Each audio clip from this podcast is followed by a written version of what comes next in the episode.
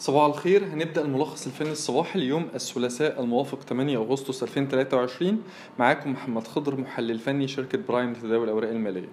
مؤشر EGX 30 أخيرا كسر مستوى مقاومة مهم عند ال 17770 وبكده هو ممكن يعيد اختبار منطقة المقاومة الرئيسية ما بين ال 18100 إلى 18200 أما بالنسبة لمستويات الدعم الحالية هتكون عند 17700 يليها 17450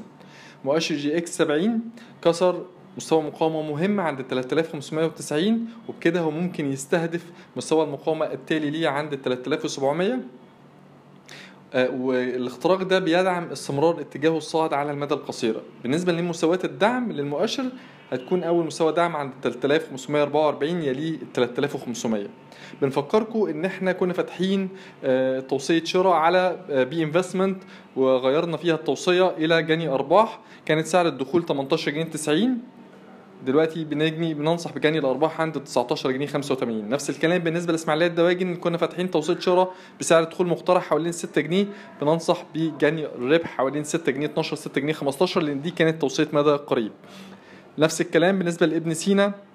كنا فاتحين فيها توصية شراء بمتوسط سعر الدخول المقترح كان 2 جنيه 14 بننصح فيها بجني الربح حوالين 2 22 2 25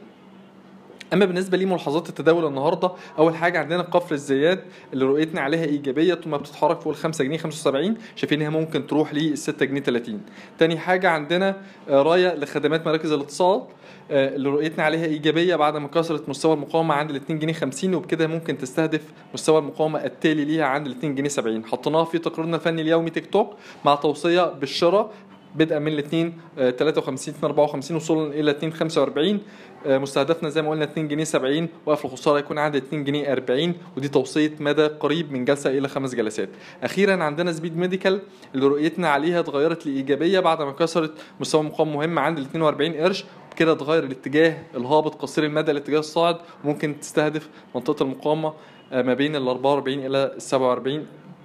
ده على المدى القريب طول ما هي بتتحرك فوق مستوى ال 40 قرش. شكرا.